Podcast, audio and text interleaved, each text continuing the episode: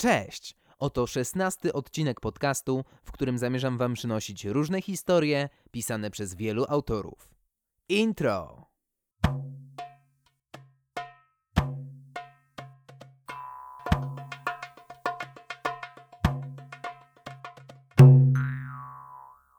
A dziś w oczytanym kameleonie będziemy mieli szansę zapoznać się z tekstem pod tytułem Telefon do przyjaciela autorstwa Cassiopeia Tales. Zapraszam do słuchania. To, co dla jednego jest dziwne, dla innego wcale nie musi takie być. Osobę znającą tylko jedną rzeczywistość może zaskakiwać, że jest ich wiele. Dzikusowi żyjącemu w puszczy samochód zapewne nie tylko będzie wydawał się dziwny, ale i przerażający. Można więc założyć, że jeżeli ktoś zawsze miał nad głową niebo, zdziwi się, widząc w tym miejscu morze. Alan Waytaker Wright III nie należał do tych osób. Widząc falujący błękit nad sobą, czuł jedynie zainteresowanie. Nie po raz pierwszy bowiem przybywał do miejsca, które traktowało rzeczywistość raczej jak zestaw sugestii niż stałych praw czy faktów. Zamiast więc o tym myśleć, wolał podziwiać widoki. Z zaokrągłych okularów obserwował, jak promienie słoneczne przechodzą przez wodne niebo, malując cudowne obrazy na piaszczystej drodze. Uśmiechając się, podążał wzrokiem za kolorowymi rybkami szybko przymykającymi tuż pod powierzchnią morza. Przyjemny szum fal w górze stanowił idealne towarzystwo w podróży przez wymarłe miasto. Dziki zachód naprawdę był dziki, pomyślał Alan, przyglądając się budynkom o zatartych szyldach i uszkodzonych oknach. Miasto wydawało się opustoszałe, ale w niektórych domach słychać było kroki i urywane oddechy. Niestety, gdy mężczyzna tylko kierował wzrok w ich stronę, wszystko zamierało. Dostrzegał jedynie cienie, których ułożenie często nie zgadzało się z kierunkiem padania promieni słonecznych. Stając na ganku jednego z domów, Alan ostrożnie zajrzał do budynku przez uszkodzone okno. Uważając, aby nie zahaczyć o nic melonikiem lub plecakiem, próbował rozejrzeć się po zakurzonym, przesyconym wilgocią wnętrzu. W zasięgu wzroku widział tylko fragmenty roztrzaskanych mebli oraz pokrywającą wszystko warstwę wodorostów i pąkli, tak bardzo niepasujących do pustynnego klimatu zachodu. Witam. Mruknął, a po chwili zastanowienia dodał. Czy mógłbym prosić o wskazanie drogi do najbliższego hotelu? Nie usłyszawszy odpowiedzi, westchnął i ruszył dalej. Niestety, nic nie wskazywało na to, że zbliża się do celu. Każdy zakręt prowadził do kolejnej uliczki dokładnie takiej samej jak poprzednie. Przystając, Alan zerknął na rozbijające się w górze fale. Z kieszeni spodni wyjął smartfona i wyciągając rękę do góry, przez chwilę ustawiał telefon pod różnymi kątami, ale nadal nie uzyskał nawet jednej kreski. Do zapadnięcia zmroku zostało już niewiele czasu, a Alan tracił go kręcąc się w kółko po mieście. Może przybyłem za późno, pomyślał. Nie był jednak pewien, dlaczego tak sądził. Jak zawsze czuł, że był w dobrym miejscu, ale nie wiedział, czego dokładnie tu szukał. Hej! Dźwięk na podobieństwo od ławiącego się silnika wypełnił przestrzeń. Ktoś ty! Alan zerknął do tyłu, przybierając swój najlepszy uśmiech. Dzień dobry, przywitał się uchylając melonik. Czy może mnie pan skierować do najbliższego hotelu? Chyba się zgubiłem. Ktoś ty, powtórzył mężczyzna o zniszczonej przez czas i słońce twarzy, kładąc dłoń na pasie w pobliżu rewolwera. Alan Waytaker Wright III do usług, a pan to... Ted. Mruknął po chwili ciszy, mierząc nieznajomego wzrokiem. Co tu robisz?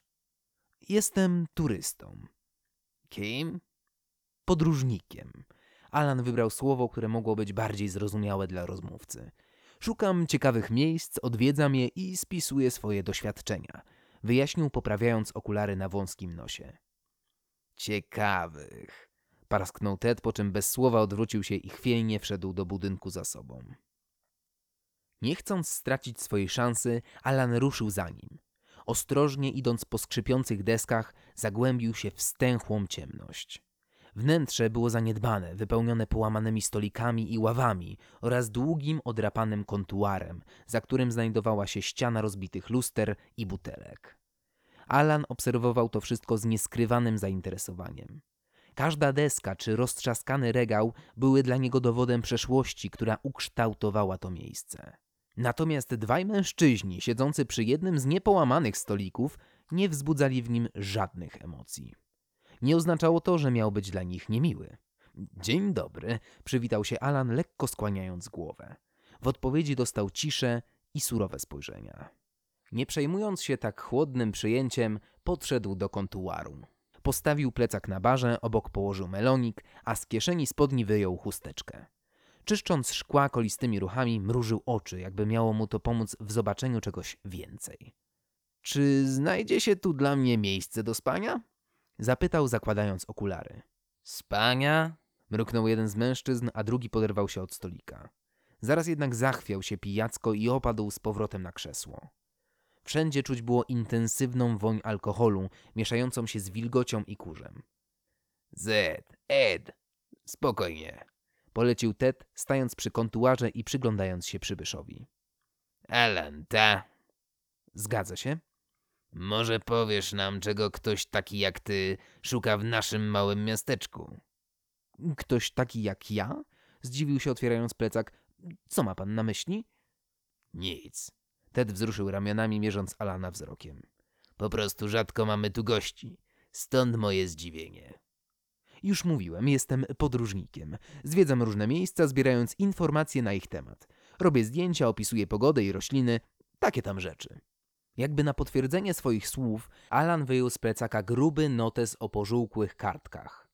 Odsuwając czerwoną głumkę oplatającą dziennik, otworzył go i zaczął przerzucać kolejne strony zapisane równym pismem i gdzieniegdzie przyozdobione rysunkami. Uważał przy tym, aby eksponaty nie wypadły z pomiędzy kartek.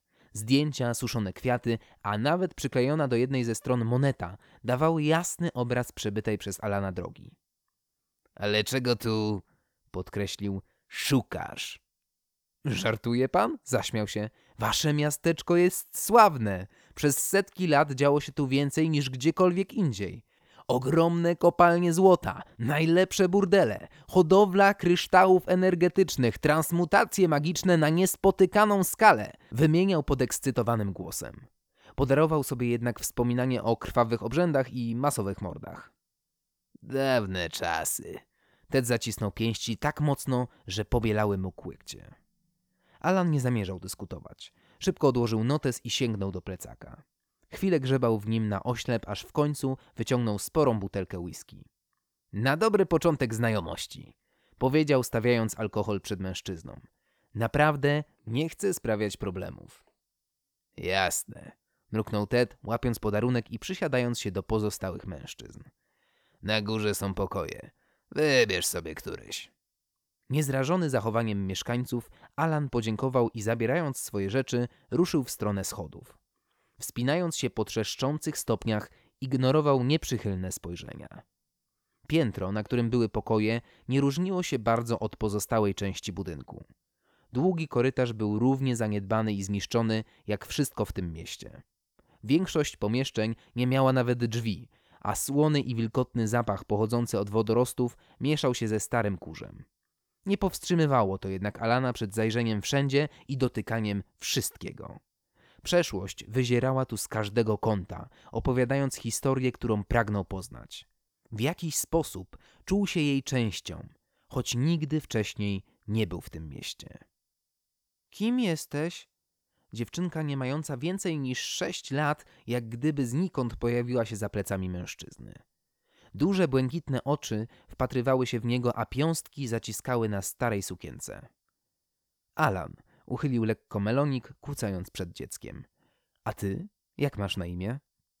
Sara, szepnęła. Przyszedłeś nas uratować? Uratować? Co masz na myśli? Dziewczynka nie odpowiedziała. Patrzyła na mężczyznę, jakby oceniając każdą część jego osoby. Wzrok miała ciekawski, ale było w nim też coś więcej, jakiś rodzaj siły i dorosłości niespotykanej u dzieci. Nie widziałeś mojej lalki? zapytała w końcu. Nie mogę jej znaleźć. Nie. Szkoda, westchnęła. Alan lekko przechylił głowę, zaraz jednak uśmiechnął się szeroko.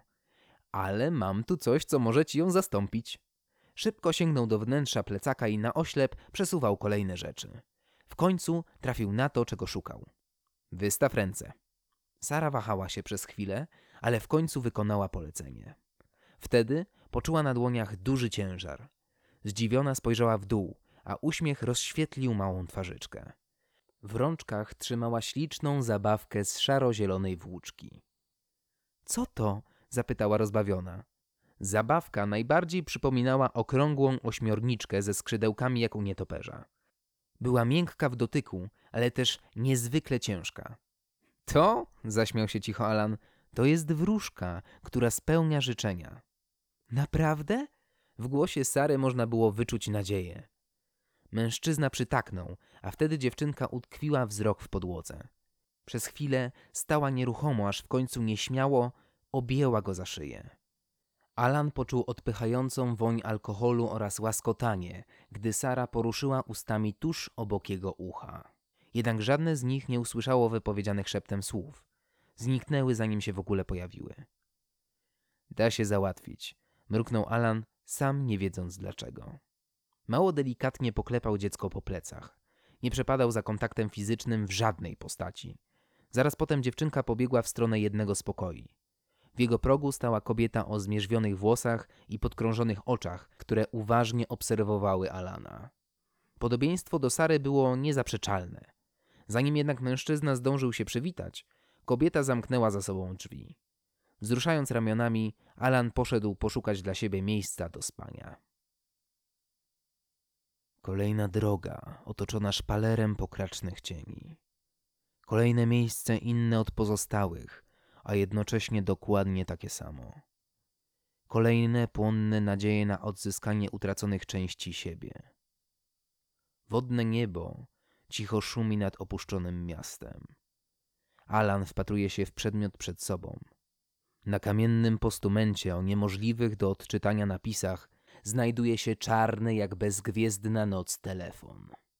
Stary model starczą i zatartymi przez czas cyframi. A może nigdy ich tam nie było? Nagle miasto przeszywa dźwięk dzwonka. Metaliczny, ogłuszający i wypełniający każdą komórkę ciała Alana. Pierwszy sygnał milknie, pojawia się następny i następny. Mężczyzna bardziej czuje niż wie, że będzie ich tylko pięć. Sięga w stronę słuchawki, ale jego dłoń zagłębia się w ciemności. Tej samej, która zaczyna wspinać mu się po ramieniu. Oplata rękę, przemyka na tors i pełznie po szyi.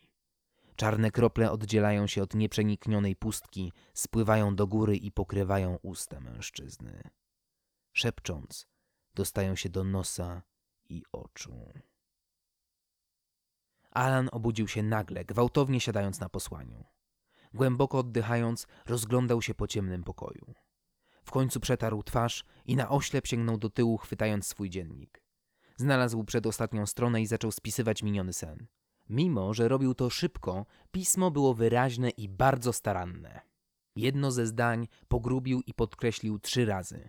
Muszę poczekać, aż zadzwoni telefon. Uśmiechając się pewnie, Alan schował dziennik do plecaka. W końcu zrozumiał, po co przybył do miasteczka, choć nadal nie był pewien, co da mu odebranie połączenia. Miał jednak przeczucie, graniczące z pewnością, że sam nie da rady odnaleźć telefonu. To miejsce było labiryntem przenikających się rzeczywistości, po którym nie umiał się poruszać. Więc mimo, że był sobą bardziej niż jeszcze wczoraj, istniała spora szansa, że się zgubi. Potrzebował pomocy, ale na szczęście wiedział, gdzie jej szukać. Schodząc po trzeszczących stopniach na parter, Alan próbował przypomnieć sobie, jak się wczoraj zachowywał. Naiwnie, pomyślał rozbawiony, zerkając na trójkę mężczyzn siedzących przy jednym stoliku. Dzień dobry, uśmiechnął się Alan. Pewnie jest pan głodny. Matka Sary wyszła z drugiego pokoju, chwiejnie niosąc talerz z zieloną jajecznicą. Proszę. Bez pytania postawiła go na drugim z niepołamanych stolików.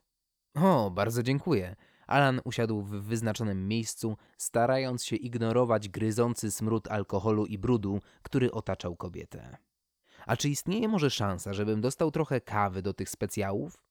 Matka Sary zerknęła na pozostałych mężczyzn i mamrocząc ciche, oczywiście, zniknęła w drugim pokoju. Po chwili wróciła niosąc parujący kubek. Dobrze się panu spało? zapytał Ted, zapalając papierosa. Bardzo dobrze, choć miałem przedziwny sen, mruknął zaczynając jeść. Nie umknęło mu jednak porozumiewawcze spojrzenie, które mężczyźni wymienili pomiędzy sobą. A co się panu śniło? Telefon, taki stary model starczą. Nabrał kolejną porcję obrzydliwej jajecznicy na widelec, ale zatrzymał go w połowie drogi do ust. Tylko, że nie był podłączony do zasilania, ale i tak zadzwonił. Szczęk filiżanki rozbijającej się o podłogę skłonił Alana do podniesienia wzroku.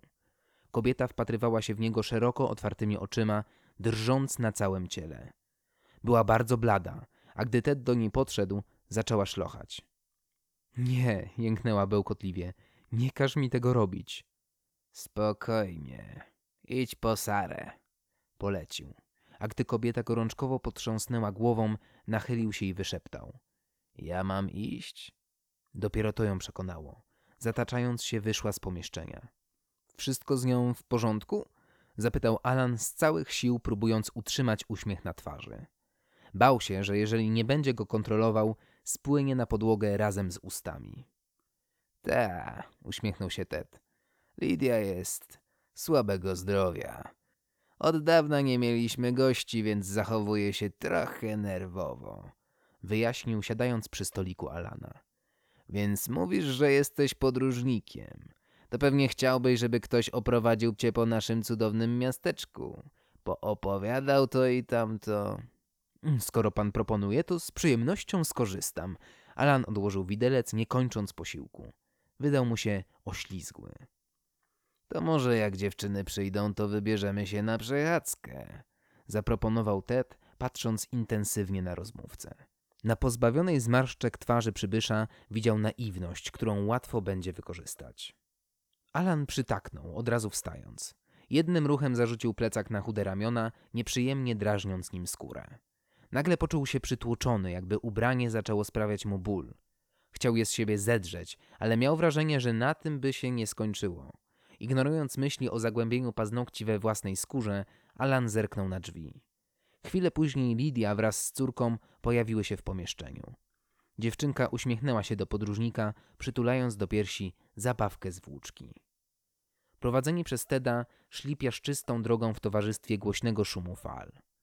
Słońce całkowicie kryło się za ciemną taflą wody, a żar zelżał na tyle, by piasek nie palił stóp przez podeszwę butów. Widok robił wrażenie, jednak Alan nie umiał się na nim skupić. Chciał już znaleźć telefon. Wiedział, że gdy to się stanie, uzyska odpowiedzi na pytania, których nie umiał zadać. Czuł, jak tańczą na granicy świadomości, próbując uformować słowa, dźwięki i obrazy. Brakowało jednak czegoś, co połączyłoby je w całość. Całość. Nagłe olśnienie spłynęło na Alana. To tutaj, oświadczył w tej samej chwili Ted, wskazując zakręt drogi jak każdy inny. Wyrwany z głębin własnych myśli, Alan zerknął w tamtym kierunku. I w jednej chwili sen stał się jawą. Mocniej zaciskając dłonie na ramionczkach plecaka, przyspieszył kroku. Na pierwszy rzut oka droga otoczona szpalerem porzuconych domów nie różniła się od innych w tym miasteczku. Z wyjątkiem tego, że pośrodku niej znajdował się czarny telefon. Stał na kamiennym postumencie, poznaczonym dziwnie znajomymi słowami nie tyle wyrytymi w powierzchni kamienia, ile w samej jego istocie. Dlaczego nie umiem ich odczytać? Zastanawiał się Alan, wyciągając smartfona. Szybko zrobił zdjęcie, po czym ruszył w stronę telefonu. Jednak gdy usłyszał ciche kliknięcie za plecami, natychmiast się odwrócił. Nie wiesz tego do siebie, mruknął Ted, celując do niego z rewolweru. W końcu chciałeś się czegoś dowiedzieć o naszej historii. Pozwól więc, że zaoferuję ci nawet więcej. Staniesz się jej częścią. Warknął, naciskając spust. Kula przeszyła ramię Alana, a krew opryskała telefon za nim. Mężczyzna stęknął i cofając się kilka kroków, wpadł na kamienny piedestał. Melonik z pluskiem upadł na piasek i zniknął w jego głębinach.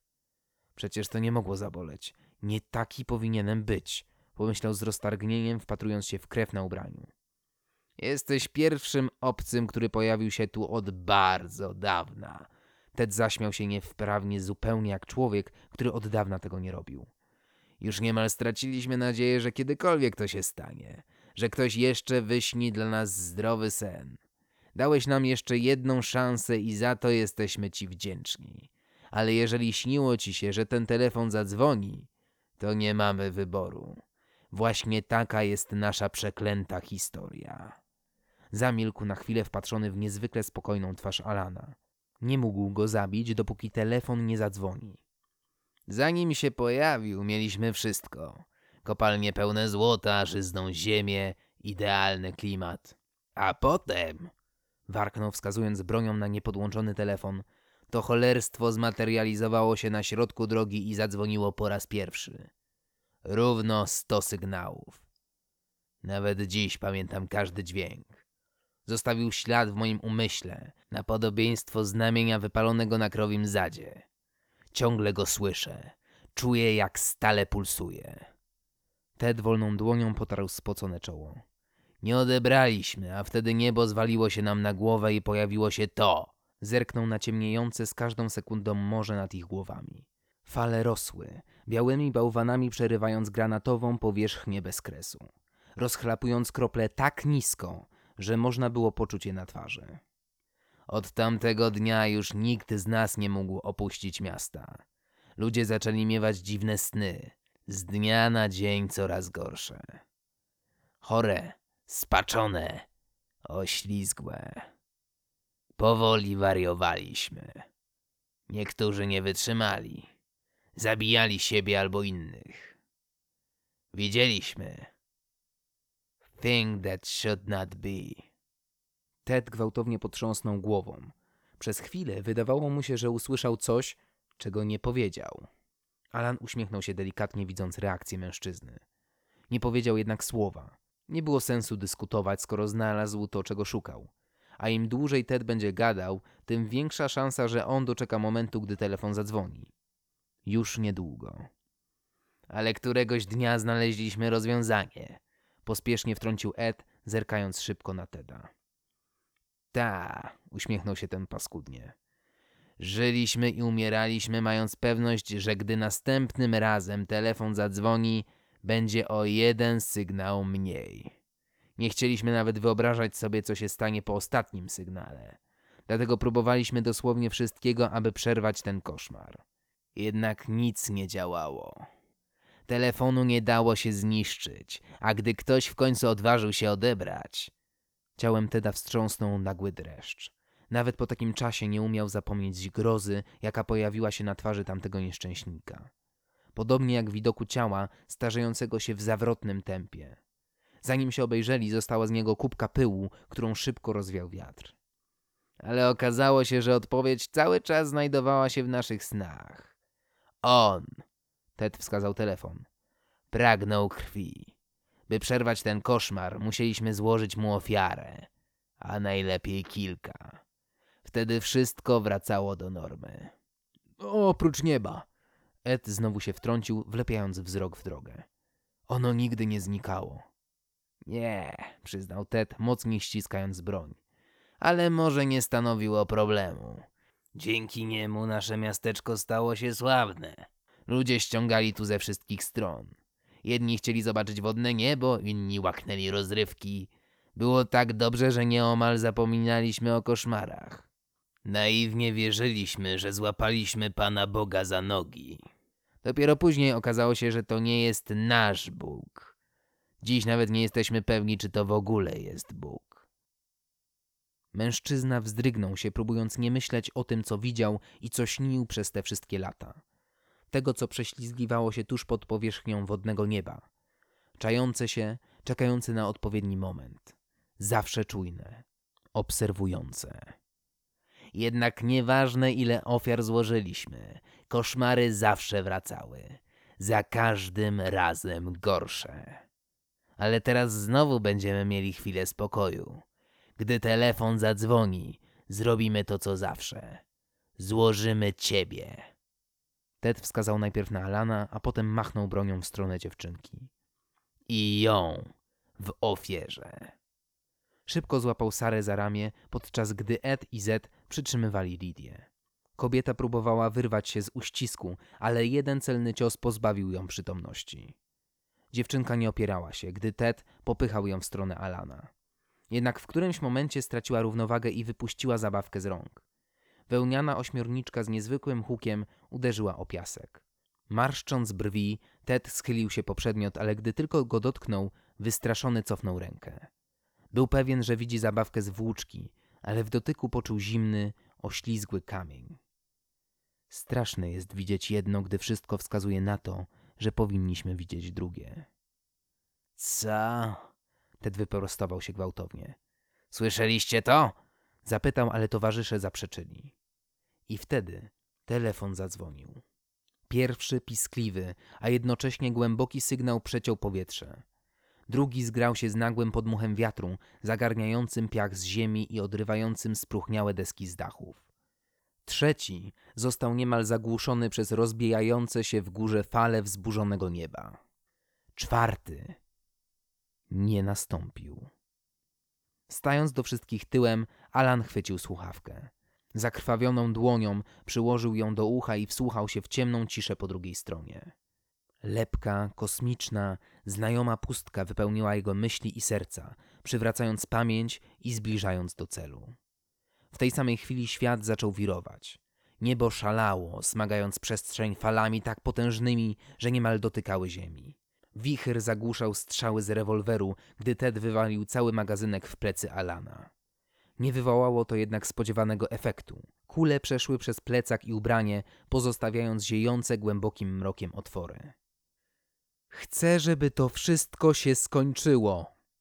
Donośny głos Sary gnał na skrzydłach wzburzonego wiatru, przywołując słowa dziewczynki, które wczoraj zagubiły się w innej rzeczywistości. Dziś jej życzenie miało się spełnić. Dlatego podczas gdy mężczyźni krzyczeli i miotali się bez celu, Sara spokojnie usiadła na piasku. Jedną rączką osłoniła oczy od wiatru, a drugą pogładziła kamienną ośmiorniczkę pomiędzy skrzydełkami. Następnie spojrzała na Alana, który unosił dłoń ku niebu, próbując dosięgnąć bezkresu. Krople czarnego nieba skapywały mu na palce i pełzły niżej, oblekając poszarzałą, pękającą skórę. Tam, gdzie w jednej chwili były wypukłości, w następnej pojawiały się wklęsłości. Nic nie pozostawało stałe, zmieniało się i wypaczało. Wracała oryginalna moc oraz pamięć. Alan odzyskiwał przedostatnią część tego, co tak dawno temu utracił. Co zagubiło się w czasie i przestrzeni, rozproszyło po różnych rzeczywistościach, zmieniając je i wypaczając, tworząc takie miejsca jak to miasteczko, istniejące, aby umrzeć.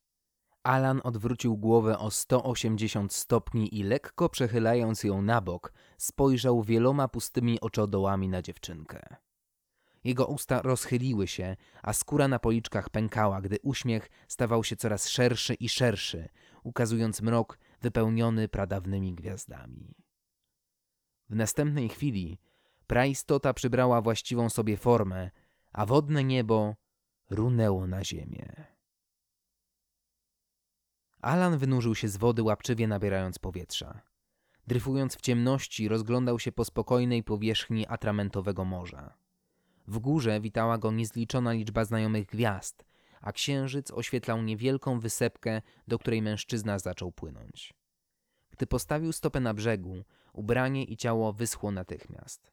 W końcu wrócił tam, gdzie jego miejsce.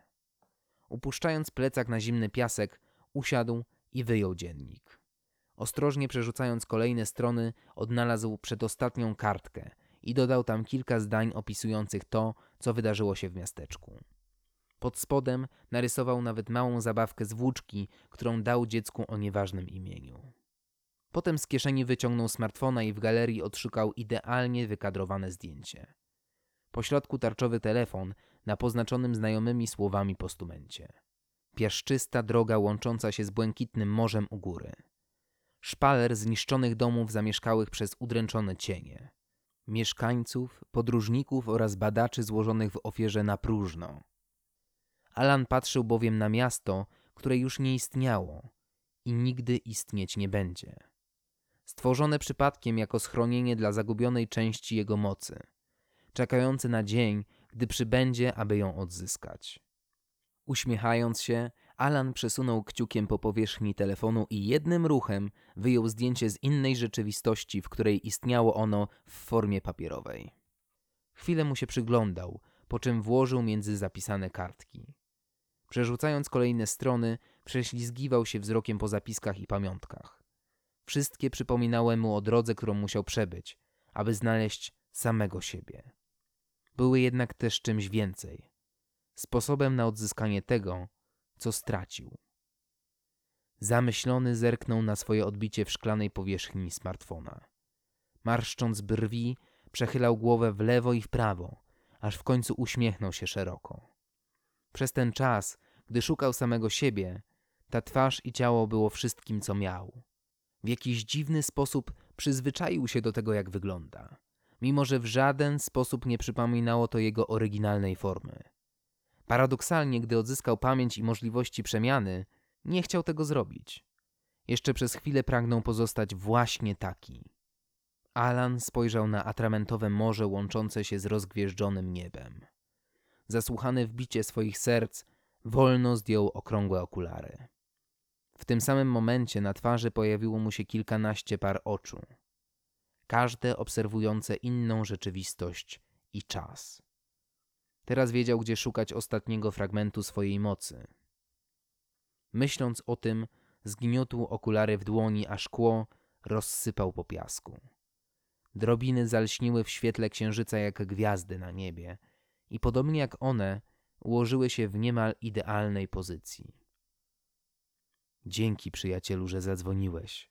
Szepnął, kierując wzrok na morze i jednym z oczu odnajdując znajomy niekształt. Cichy, uśpiony oddech tworzył i niszczył wszystko wokoło. Już niedługo znowu się zobaczymy. Musimy jeszcze tylko chwilę poczekać, dodał Alan głosem przepełnionym tęsknotą za dawną potęgą, tą, którą odzyska, tak jak oni wszyscy.